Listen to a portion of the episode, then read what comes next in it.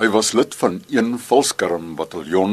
In 1972 begin hy sy loopbaan as ingenieur in die Noord-Transvaal. As lid van verskeie internasionale organisasies en werkgroepe het hy haas elke wêrelddeel besoek. Sopas het hy afgetree as direkteur van die program Volhoubare Hulpbronbestuur in die Wes-Kaapse Departement van Landbou waar hy onder meer verantwoordelik was vir rampbestuur in die landbousektor. Baie welkom Andre Roo.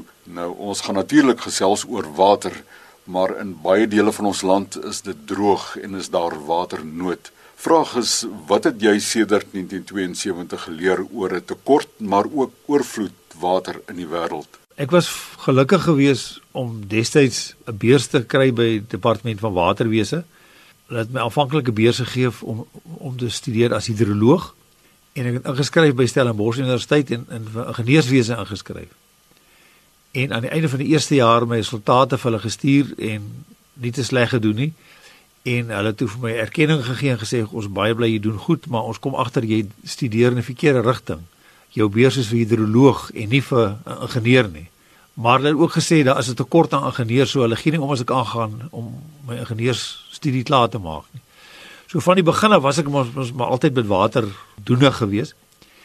En baie ge ook agtergekom dat ons land het mos nou maar 'n kroniese tekort aan water. Ons is eintlik 'n semi-ariede land met 'n baie lae reënval en baie lae waterbeskikbaarheid. En van jongs af was ek betrokke by um, waterskemas om water vir die landbousektor te verskaf uh vir die landelike omgewing daar in die ou Kwandebelle het ons gewerk uh damme gebou reservoirs en pompstasies om daar water te voorsien. So van van my hele begin van my loopbaan af was ek betrokke gewees om seker te maak dat mense toegang het tot water en dan ook om te kyk dat die water so effektief as moontlik gebruik kan word. En was regtig 'n voorreg geweest om om soveel jaar lank daarbey betrokke te kan wees aangesien dit 'n baie groot passie vir my is en nog in die toekoms ook altyd 'n passie vir my sal wees. Dit bring natuurlik 'n nuwe begrip vir die balans tussen ontwikkeling en die bewaring van die wêreld se waterhulpbronne. Wat beteken volhoubaarheid vir Jan publiek? Baie mense sien dit maar dit reën. Um en hulle sien hoe verloop die water in die straat af na die reën en hulle sien hoe loop die water in die riviere na vloede. En dan besef hulle nie maar daai water wat hulle daar sien is tydelik beskikbaar nie. Uh die volgende maand, 2, volgende 3, 4 jaar is daai water nie daar nie. So as 'n mens kyk na die langtermyn afloop van ons riviere uh om te bepaal wat die lewering van daai stelsels is, dan kom jy eintlik agter hoeveel water regtig beskikbaar is en dan is mens skokkend om te sien hoe min water daar beskikbaar is. As ons byvoorbeeld in die Wes-Kaap kyk, dan is ons vier waterbestuursgebiede behalwe vir die Breë rivier wat omtrent so 32 miljoen kubieke meter water nog surplus het, is die ander twee opvanggebiede is almal oortoegeken. Met ander woorde, die toekennings wat gemaak is uit die wa waterbronne uit is meer as wat die water wat beskikbaar is. En dit beteken ons is al klaar verby die punt waar ons volhoubaar met water wil omgaan. En ons sal moet afskaal om terug te kom by 'n punt van van volhoubaarheid. En ons moet ook onthou dat die omgewings aanspraak op water is nie eens ingesluit by hierdie toekennings nie, want dit is eers met die nuwe wet wat dit van toepassing geraak het. Die vorige wet het nie daarvoor voorsiening gemaak nie. So ons het nog 'n ver pad om te gaan voor ons regtig kan sê dat ons volhoubaar met ons waterhulpbronne omgaan.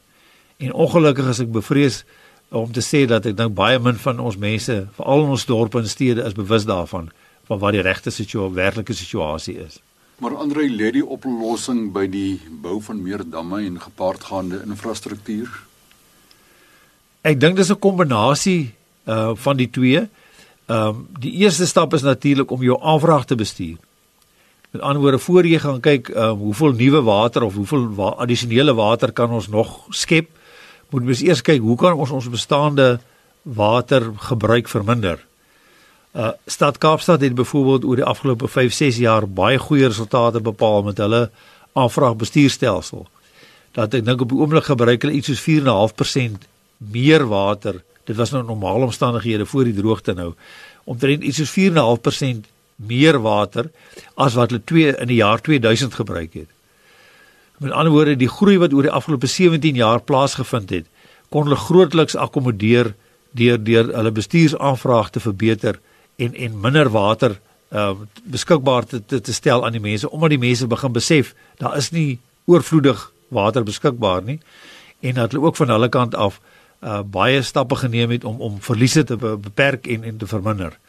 So uh, om nou net 'n 4.5% toename oor 17 jaar te hê ten spyte van al die addisionele aanvraag uh bevolkingsgroei wat daar plaasgevind het. Goed, dit het nou in die stad plaasgevind, maar wat gebeur nou op die plaas? Besproeiingsboere in die, in die Wes-Kaap, ek kan nou nie oor die res van die land met met gesag praat nie, maar in die Wes-Kaap spesifiek is daar 'n baie groot mate van van effektiewe gebruik van water ehm um, alreeds onder die boere gevestig.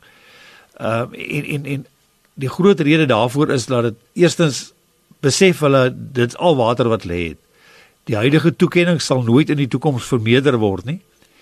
En as hulle wil die boerdery wil laat groei wat mens nodig het om te groei vanuit die ekonomiese oogpunt, is die enigste manier om die bestaande water wat jy het beter te gebruik.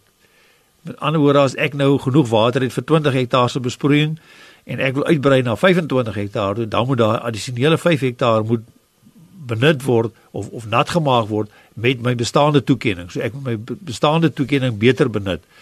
En tot 'n groot mate slaag ons boere daaraan om dit te doen. Die probleem is net jy kom op 'n sekere stadium waar dit baie moeilik is en dit onmoontlik is nie om nog te verbeter op, op jou effektiwiteit. En dan begin ons in 'n doodloopstraat in beweeg. Uh waar waar jy nie regtig verdere winste kan toon nie omdat dit alreeds baie baie effektief is. So ja, dit is moontlik om om water te bespaar op die plaas in terme van jou effektiewe stelselgebruik en die effektiewe skedulering. Met ander woorde, gee vir die plant die regte hoeveelheid water wat hy nodig het op die regte tyd. Maar maar om verder as dit te gaan, is dit baie moeilik om om meer effektief te raak.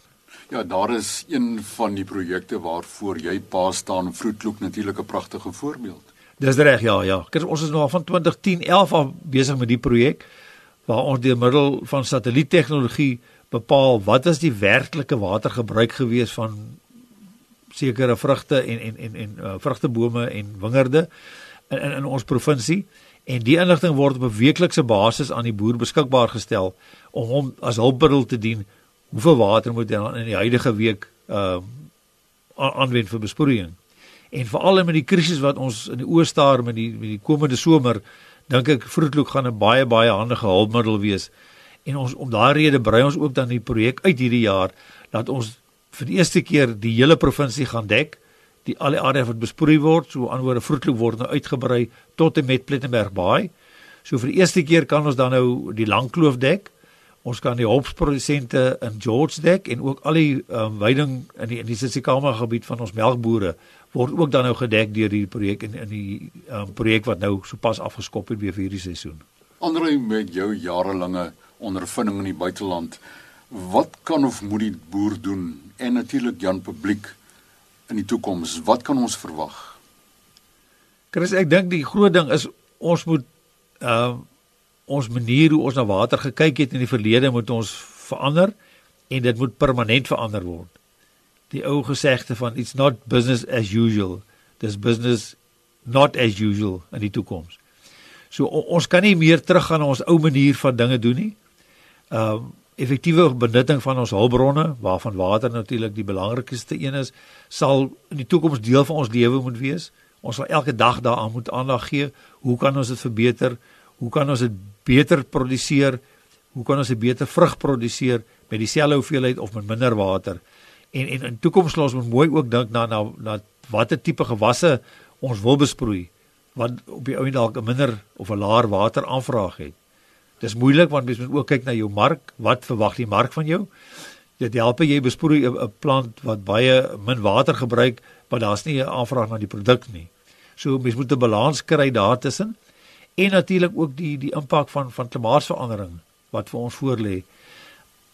In die toekoms gaan daar baie areas wat op oomblik onder besproeiing is in die toekoms 10, 15 jaar, 20 jaar van nou af dalk nie besproei kan word meer met selfe gewasse nie as gevolg van die verandering in die klimaat wat plaasvind. En ek is van mening dat die huidige krisis wat ons het met die water veral in die Wes-Kaap is juis klimaatsverandering wat ons baie vroeër begin ervaar as wat daar aanvanklik verwag is.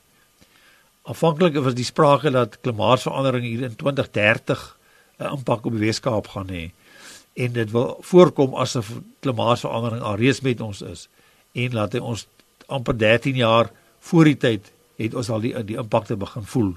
En dit gaan baie moeilik wees om te bepaal of ons nou al die maksimum impak het of of dit gaan erger raak in die toekoms. Wat is van die mooiste herinneringe wat jy koester as jy nou moet terugdink aan jou beginjare daar in die Krokodilrivier op die Rodekoppiesdam?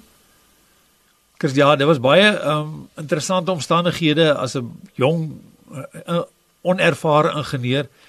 Ehm uh, het ek die geleentheid gekry om projekbestuurder te wees van van die daai dam wat daar destyds gebou is in die Krokodilrivier. 'n Baie goeie span jong ingenieurs saam met my gehad. Ehm um, om in die Bosveld te gebly en te werk daai tyd was regtig 'n voorreg geweest, jong kinders gehad. Ver van die dorp af gewees, Brits ons naaste dorp so 50 km. Aan die ander kant was dit 'n uitsonderlike geleentheid geweest om daardie verantwoordelikheid te kon aanvaar en te besef dit is nou my taak om hierdie dam gebou te kry uh en die leiding te gee dat hy binne die uh, nodige beskikbare fondse en ook die tyd wat geallokeer was uh gebou kan word. Daardie tyd het ons ook binne 'n krisis droogte situasie gesit wat toe op die stadium ehm uh, moes ons ook 'n verbindingskanaal bou tussen Rodekoppiesdam en Valkopdam. Valkopdam het daai tyd vir al die die platinum gordel water gegee en ook vir San City water gegee en as gevolg van die droogte sou hulle op 'n sekere dag sou hulle sonder water gesit het. En ons het 'n projek gehad wat ons die die die verbindingskanaal wat omtrent so 25 km lank was, moes ons bou en hy moes op 'n sekere datum voltooi wees want dan sal daar nie meer water wees as as die dam nie die kanaal nie voltooi is nie. En dit was 'n baie groot uitdaging geweest. Ons het eers van een kant af begin bou en later is 'n tweede span van die agterkant af ingesit om te bou en later moes ook 'n derde span in die middel insit om te bou om om seker te maak dat ons daai teiken haal en ons het hom toe gelukkig gehaal en op regte tyd die water kon kon gee. So dit was dus uitdaging geweest. Ons het ook dieselfde tyd daarvan af 'n pipeline gebou van die Molopo oog af na Mafeking toe wat ook 'n baie uitdagende projek was, maar baie interessant en en baie geleenthede geskep. Mense is baie dank, dankbaar vir daardie geleentheid wat jy gekry het om die ondervinding op te doen. Andrei Roo, wateringenieur by uitnemendheid voorspoed met alles wat nog op jou wag op die pad vorentoe aanry. Groete.